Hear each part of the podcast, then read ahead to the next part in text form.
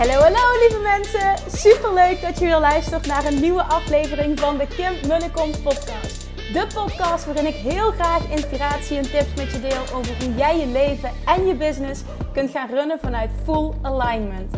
Meer voelen en minder denken, want that is where the magic happens. Hoe werkt die wet van aantrekking nu precies? Hoe creëer jij een succesmindset? En hoe kun jij ervoor gaan zorgen dat jij alles gaat aantrekken wat je zo graag wil met minder hard werken? Ik heb er weer super zin in. Let's go!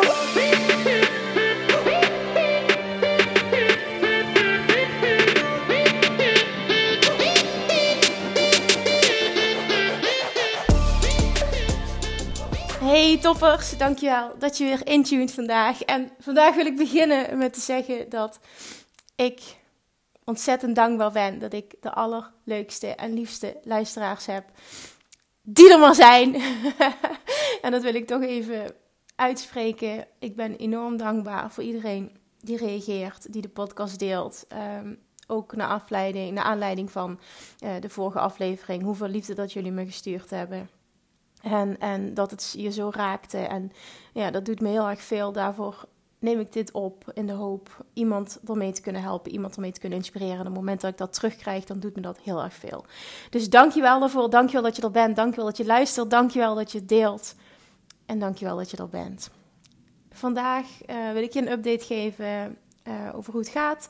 En met mijn oma bedoel ik dan, en ook met mij. Maar, uh, en daarnaast wil ik ook tien dingen met je delen. Nu ik zo terugkijk op wat ik allemaal van mijn oma heb geleerd. En dat is ontzettend veel. Wil ik die dingen met je delen. Door bewust deze aflevering in te gaan op tien dingen die je van een 95-jarige kunt leren. Mijn oma is 95. Ze is er nog op dit moment. Um, het is dinsdagochtend nu, uh, eh, 25 februari, als ik deze podcast opneem. Wat de situatie is op dit moment, is dat wij uh, maandagochtend er naartoe zijn gegaan en dat ze eigenlijk nog lachte. Het praat ging wel minder goed, maar ze lachte. En ze zei: Het gaat wat beter dan gisteren. Dus dat was vrij positief. Toen zijn we naar huis gegaan. En s'avonds uh, om half vijf krijg ik een telefoontje van mijn vader. Het is namelijk de moeder van mijn vader. Uh, dat hij onderweg is terug naar het verzorgingstehuis. Omdat hij een telefoontje had gekregen van zijn zus, mijn tante. Dat het uh, toch op dat moment niet goed ging en dat hij moest komen. En ik zeg, oh papa, hoe erg is het? Ik weet het niet, zegt hij. Ik ga er nu naartoe. Ik ben er over 20 minuten en uh, ik bel je zo meteen. Ik zeg, oké, dat is goed.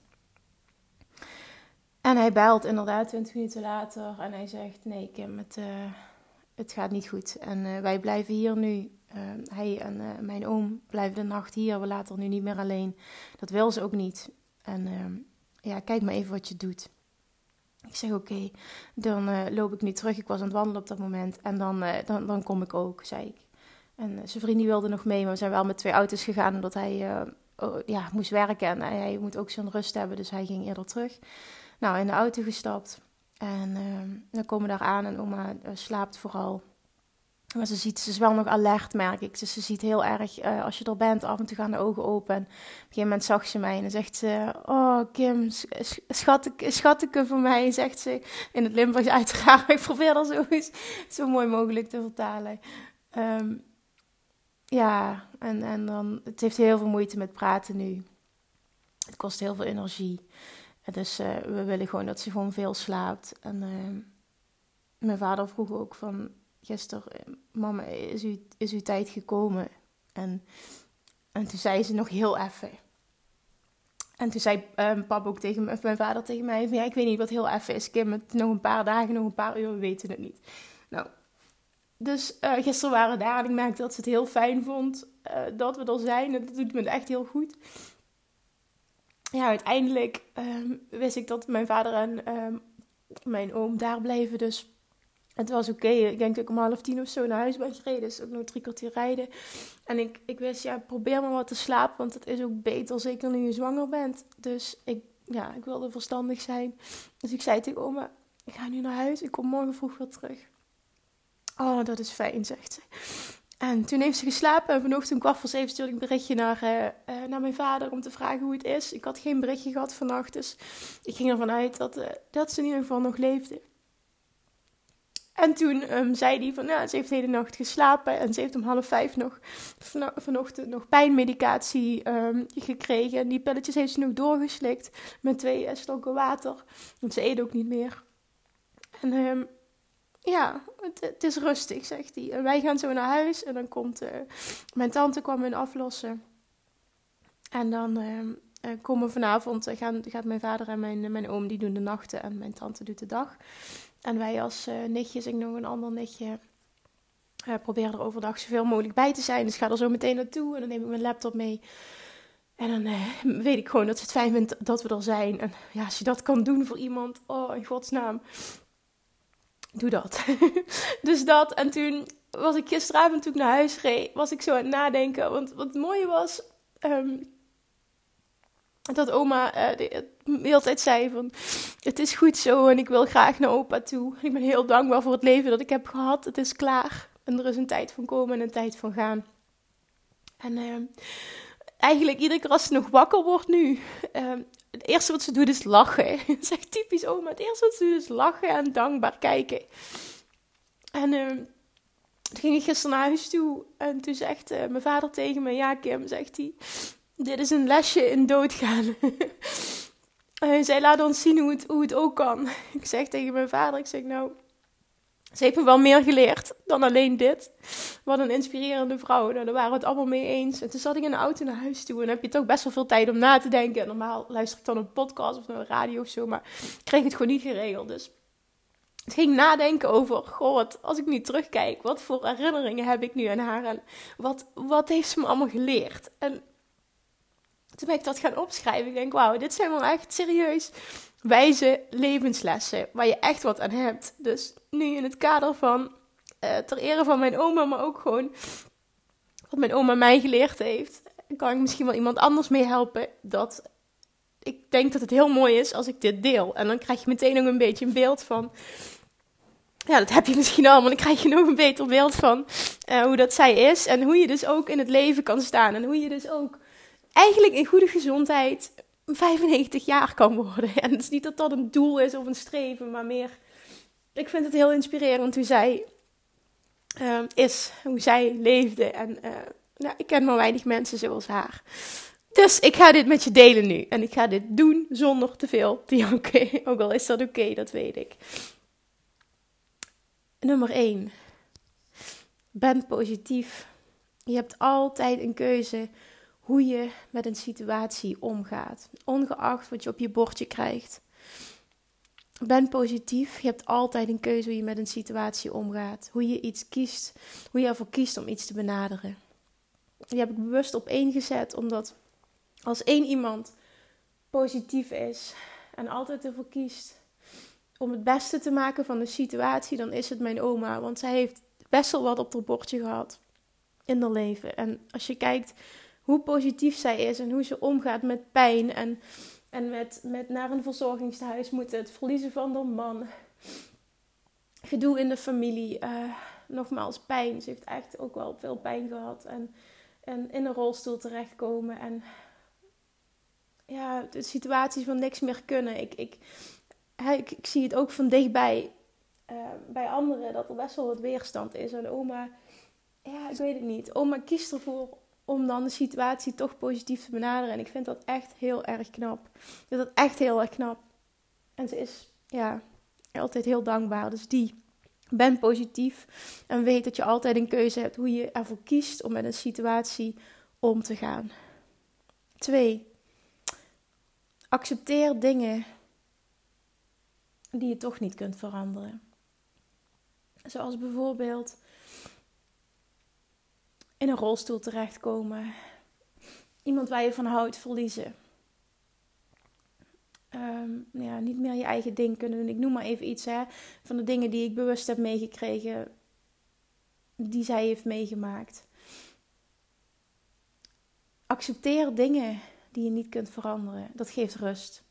Dat geeft rust. Dat, dat, dat betekent dat je kunt loslaten. En um, ja, ik geloof er persoonlijk in dat je heel veel invloed hebt op, op je leven en op situaties. Maar er is ook zoiets als dat jij te maken hebt met het punt van aantrekking van een ander. Jij hebt enkel invloed op je eigen punt van aantrekkingskracht. En En ieder persoon heeft invloed op zijn eigen punt van aantrekkingskracht. En ehm, dat betekent dat jij in je omgeving soms te maken hebt met, met de aantrekkingskracht, de punt van aantrekking van andere mensen. En dat, dat, dan is het aan jou om te dealen met een situatie. En dan komen 1 en 2 terug. Bekijk de situatie positief. Weet dat je altijd een keuze hebt.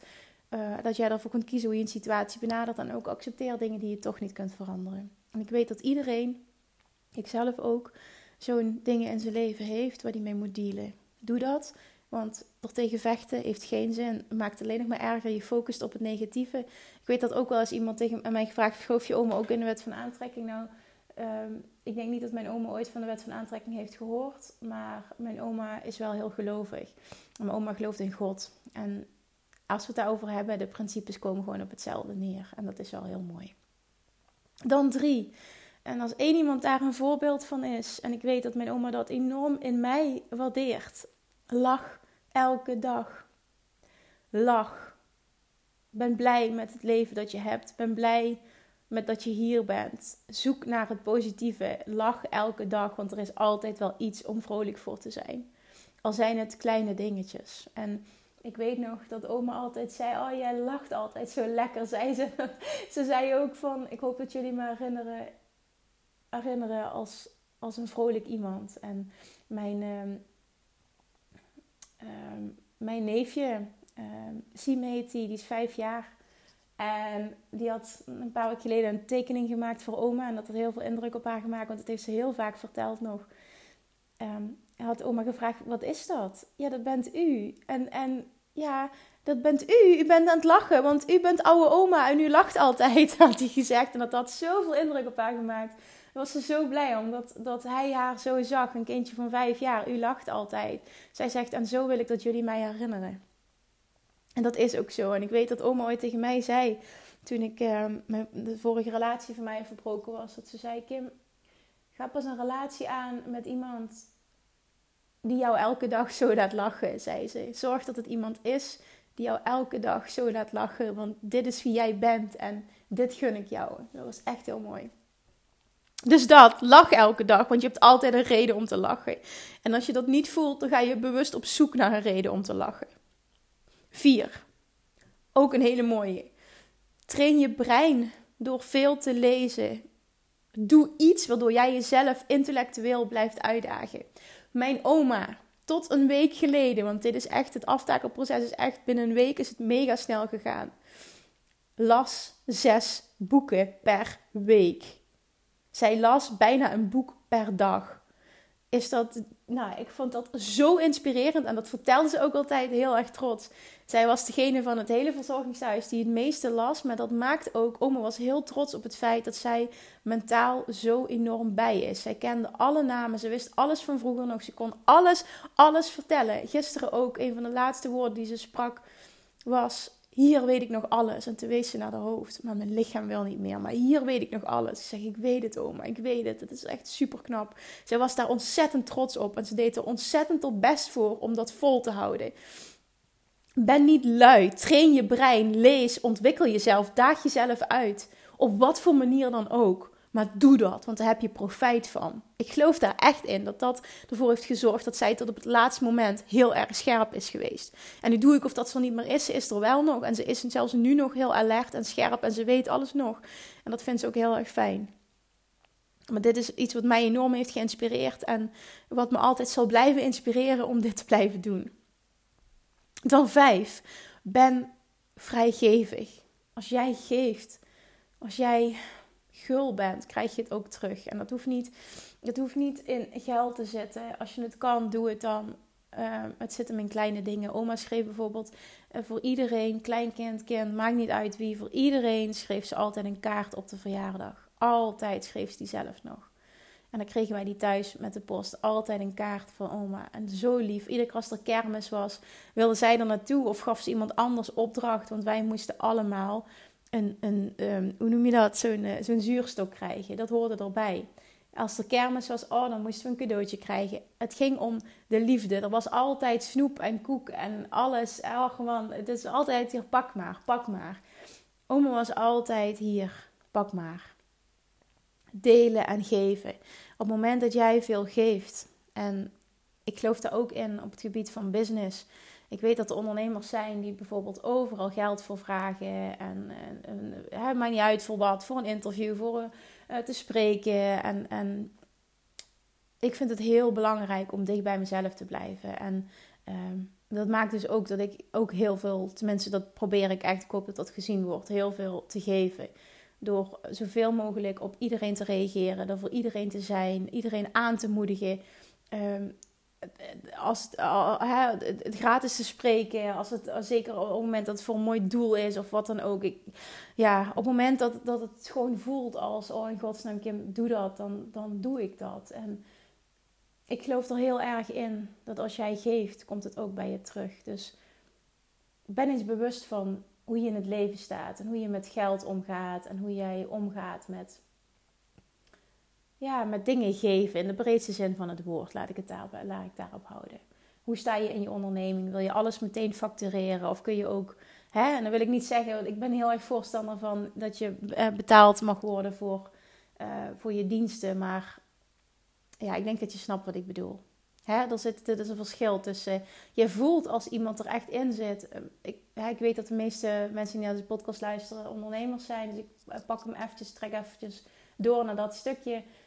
Je voelt, vind ik heel erg, of er iemand in die business zit om alleen maar geld te verdienen. Of omdat iemand in een business zit omdat hij passie voelt en mensen wil helpen. En voelt dat hij een missie heeft en impact wil maken. En die twee zijn voor mij een groot verschil. En ik hoor absoluut bij die tweede. En, en ja, ik, ik, zal, ik zal nooit, denk ik, iets, iets afnemen of samen willen werken met iemand die er alleen maar voor het geld in zit. Want dat voel je. En dat, dat, ja, dat voelt voor mij gewoon niet uh, authentiek en niet oprecht. En uh, ja, dat, daar wil ik me van distancieren. Nou, dat heb ik van mijn oma geleerd. Als jij geeft, krijg je terug. Zes. dat is een hele mooie. Mijn oma is de grootste snoepkont die ik ken. De grootste zoete kou die ik ken. En ik heb dat ook van mijn oom. Want echt alles wat met snoep en koek te maken heeft, dat kun je mij voorschotelen. Ik ben er echt knettergek op. Waar anderen gek zijn op chips bijvoorbeeld, heb ik heel weinig met chips. Maar heel veel met koekjes en snoepjes. En oh, vind ik dat lekker.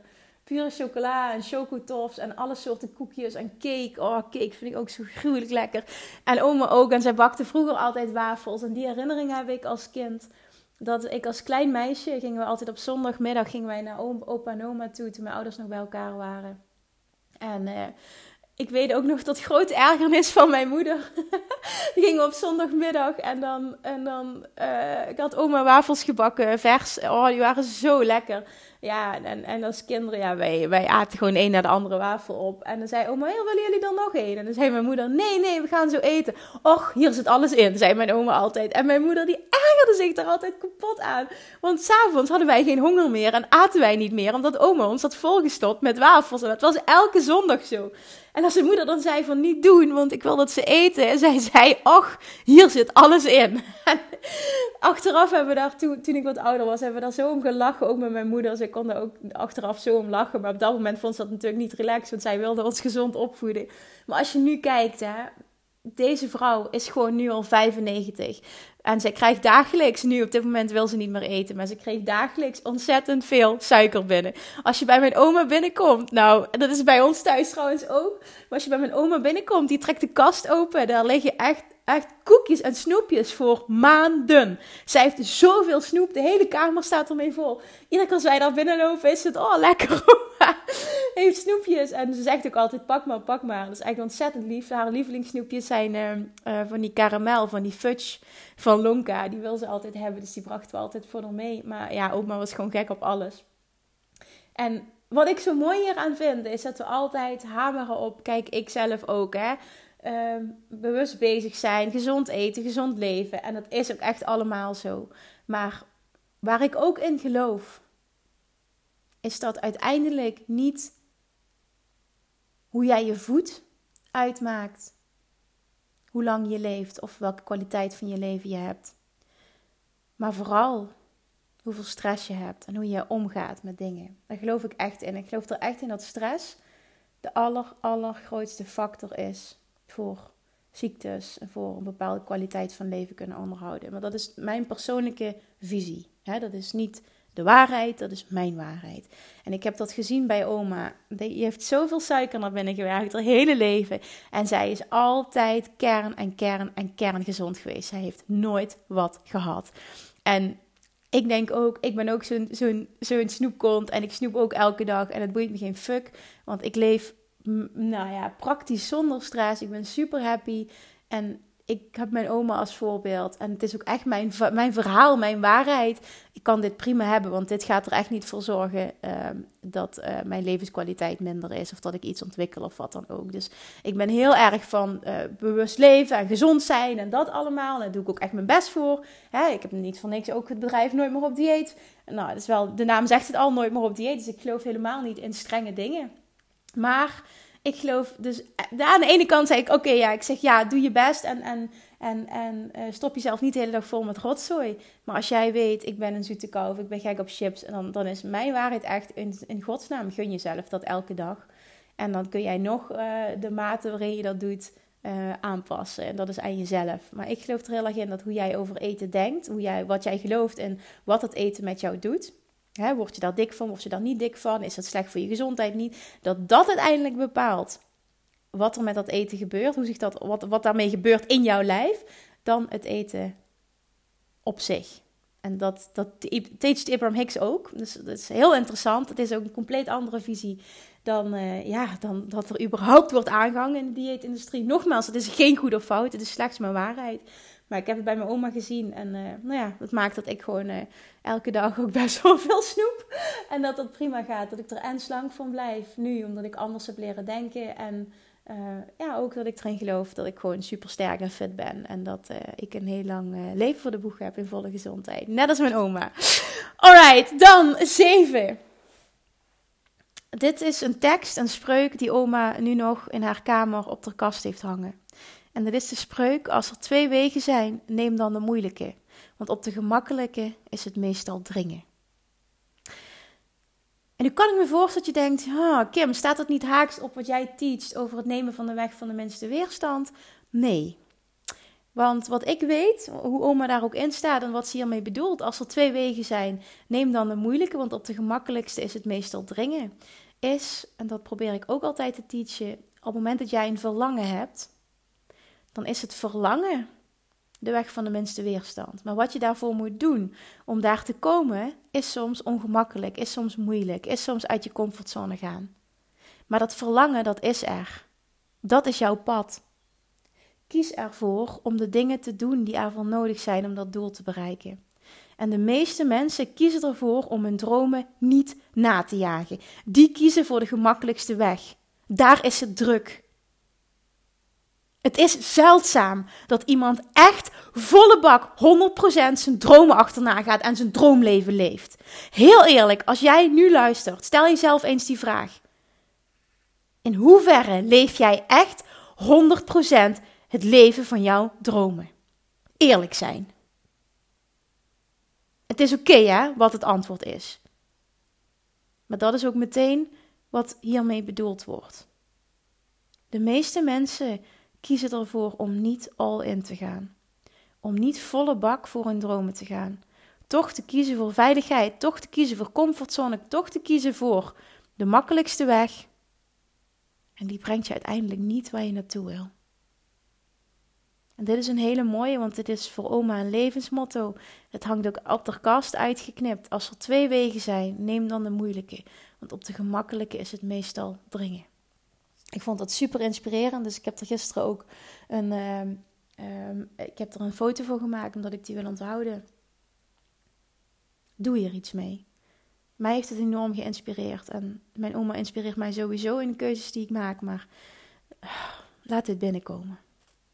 Dan acht. Leef het leven dat je wilt leven. Doe dingen die je blij maken. Volg je hart. Doe dingen waar je happy van wordt. Niet half, maar helemaal. En dan kan ik zeggen: het leven is te kort. Oma is 95, dus ja, hoe kort is het leven dan? Maar mijn oma heeft altijd geleefd naar haar kernwaarden. Altijd. En dicht bij zichzelf gebleven. En af en toe ook lekker egoïstisch zijn. En dat hoort er ook gewoon bij. En ik vind dat een voorbeeld. Leef het leven dat je wilt leven. En ik zeg er dan wel bij: het leven is kort. Want ik realiseer me dat heel vaak en ook nu weer. Ook al is oma 95 en dan denk ik: ik ben 33. Oké, stel ik word 95, heb ik nog heel lang. Klopt. Maar je wordt ook ouder. En ik ben nu 33. En ik wil nog zoveel. En, en ik geloof erin dat iets willen goed is. Het is goed om doelen te hebben. En dan groei je ook continu. Ik wil nog zoveel. En ik kan het wel blijven uitstellen tot het moment perfect is. Of tot ik me zekerder voel. Of tot mijn financiële situatie anders is. Of tot we het kindje hebben. Of tot, tot, tot, tot. Weet je, er is altijd wel een reden waarom het niet 100% uitkomt. Maar guess what? De tijd is nooit perfect. De timing is nooit perfect. Het moment is nooit perfect. Het is vandaag, op dit moment, nu, als jij luistert, het perfecte moment om een keuze te maken die ervoor gaat zorgen dat jij dichter bij het leven gaat komen wat jij wil. Want je weet dat je nog dromen hebt, je weet dat je doelen hebt en ik doe het ook. Ik verzand vaak ook weer in dingen die de dag vullen en die niet leiden tot die volgende stap. En waarom? Omdat het nog net te veel uit mijn comfortzone is en dan durf ik er niet in te stappen. En op deze momenten realiseer ik me dat des te meer. En gisteren luisterde ik iets en toen dacht ik: fuck it, en nu is het klaar. En nu gaat die shift komen en ik ga vandaag dit doen.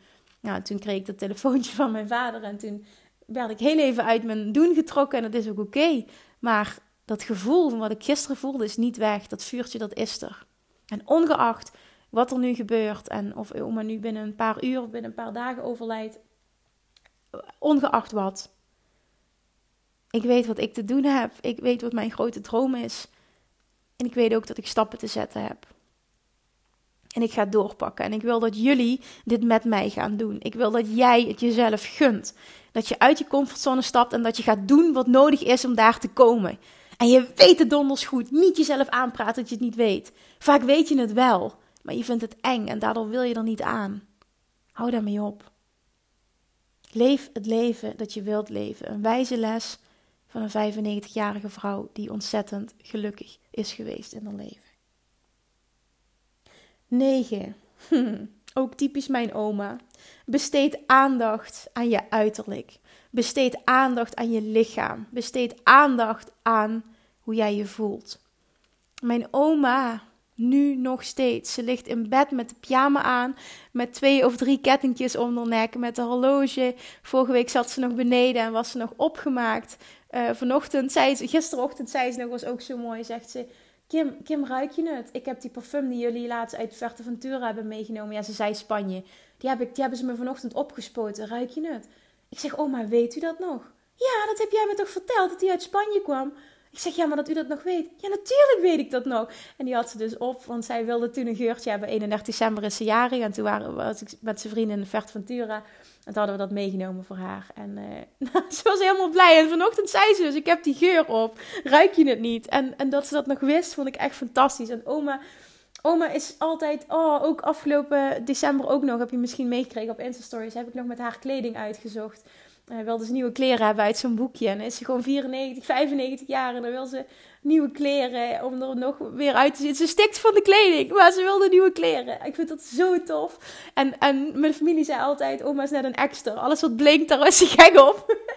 en dat is ook echt zo. En je kon er altijd blij maken met een nieuw armband. Je heeft echt verschillende armbanden onder om de pols nu nog steeds in bed ook. Oma en sieraden, oma en er mooi uitzien. Oh, dat is toch zo fantastisch. Ik vind dat zo inspirerend. Dat iemand op die leeftijd gewoon het nog steeds belangrijk vindt hoe ze eruit ziet. En wat ik van haar heb geleerd, besteed aandacht aan je uiterlijk zowel je lichaam als ook uh, uh, make-up of sieraden, kleding. Wat, je, wat voor jou maar belangrijk is. Wat jij nodig hebt om je goed te voelen. Besteed daar aandacht aan. Geef er ook geld aan uit. Want het maakt dat jij je goed voelt. En als jij je goed voelt, ben jij de beste versie van jezelf. En als jij de beste versie van jezelf bent. En dat ga ik nu even invullen hoe ik het zie. Dan is jouw punt van aantrekking wat jij wil het sterkste. En ben jij een magneet voor alles wat je wil als jij je goed voelt. Dan ben, echt, dan ben jij zo'n magneet. Dan ben je zo sterk. En dan, dan oh, als jij je goed voelt, dat is het allerbelangrijkste. Wat je maar kunt doen om, een, om de wet van aantrekking voor je te laten werken. Zorg dat je je goed voelt. Dus doe er alles voor wat er voor nodig is om dat te bereiken. Besteed aandacht aan je lichaam. Besteed aandacht aan je uiterlijk. Geef er geld aan uit, besteed er tijd aan, besteed er energie aan. Omdat het je goed laat voelen. Niet zeggen als ik ben afgevallen dan. Nee, zorg dat je nu, je nu mooi voelt. Niet als dan, nu. Wat kan ik doen om me nu mooier te voelen? Want ik geloof erin, als jij een wens hebt om wat, wat af te vallen, dat op het moment dat jij je nu goed voelt en nu doet wat jij nodig hebt, dat het afvalproces makkelijker verloopt omdat jij je lekker voelt. En vanuit daar ben jij een magneet voor alles wat je wil. En mijn oma is daar. Is daar echt een voorbeeld van tot op de dag van vandaag. Ze ligt nu in bed met haar pyjama aan, met de kettingjes, met het horloge, met, met de parfum op, met de armbandjes. En dit is oma. En ik vind het prachtig. En dan de allerlaatste. Een van de laatste woorden van oma. Er is een tijd van komen en er is een tijd van gaan. Accepteer dit en ben dankbaar voor het leven dat je hebt. Of dat je hebt gehad. Voor de dingen die je hebt meegemaakt. The good and the bad. It's all part of the deal. Oma is een heel dankbaar mens. Ze is lief, ze is positief en ze is heel dankbaar. En ze accepteert alles. En haar woorden zijn: er is een tijd van komen en er is een tijd van gaan. En gisterochtend was ik bij haar. En zegt ze: Laat je buik eens zien. Oh, zegt ze, hoe lang nog? Ik zeg: Ja, nog een dikke drie maanden. Oh, zegt ze: Gisteren was ik aan het tellen. En toen dacht ik: Zal ik dan toch nog even vechten? Oh, die woorden die blijven me gewoon bij. Dat ze dat zei. Gewoon de wil in haar. Oma is zo'n vechtertje. Want die had eigenlijk al lang, al lang er niet meer moeten zijn. Dat waren de voorspellingen van de dokter. Maar ze is er nog steeds. Het is een vechtertje. Ook al is ze nu heel erg aan het aftakelen. Het is een vechtertje. Ze ligt gewoon op sterven. En ze zegt: Goh, zal ik dan toch nog drie maanden even volhouden? Hè, ik wil die kleine nog graag zien. Want dit raakt me ook echt, hè, dit. het mooie is, en hier wil ik mee afsluiten. Um, oma en ik geloven hier allebei heel sterk in. En dit is onze waarheid. En dat is namelijk dat echt afscheid nemen niet bestaat. Want stel ze sterft nu, dan klopt het dat zij er in fysieke vorm niet meer is. Maar dat wil niet zeggen dat zij haar belofte die ze mij heeft gemaakt, dat ze er voor mij en voor ons en voor het kindje zal zijn. Dat ze het nog meemaakt, dat ze die niet nakomt. Want wij geloven allebei dat er niet zoiets is als echt de dood in de zin van iemand is weg. Ik geloof erin dat oma dan altijd bij me is en over mij waakt en over ons zoontje waakt en dat ze er is en dat ze dit ziet. En dat het enkel niet meer in fysieke vorm is. En voor de rest is er niks anders. En zij zegt dat ze vaker communiceert met mijn opa. En er zijn heel veel mensen die haar voor gek verklaren. En ik geloof het. En ik vind het fantastisch. Dat zegt ze ook. Sommigen lachen om mij, Kim, zegt ze. Maar jij gelooft het, hè? Ik zeg, ja, ik geloof het. Ik zie hem ook echt. En af en toe dan tikt hij me op mijn schouder.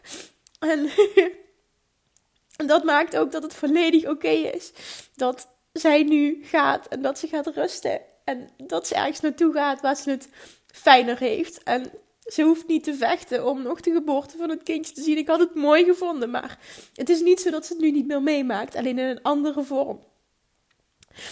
En ik zei in mijn vorige podcast ook al: als je dit als waarheid kan aannemen, dan geeft dat heel veel rust.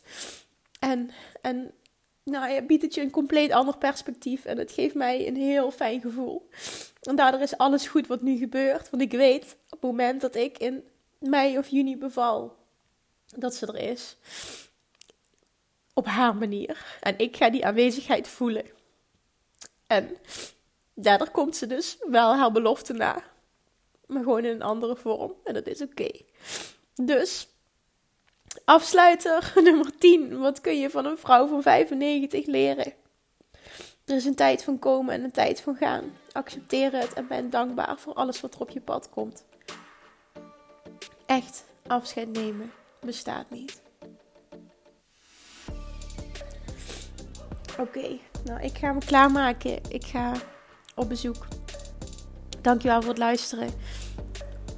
ik wilde sorry zeggen voor het gejank, maar dan ga ik toch voor iedereen horen. Je hoeft geen sorry te zeggen. Dus ik hoop dat er tussen deze dingen iets zit wat je raakt, wat je aan het denken zet.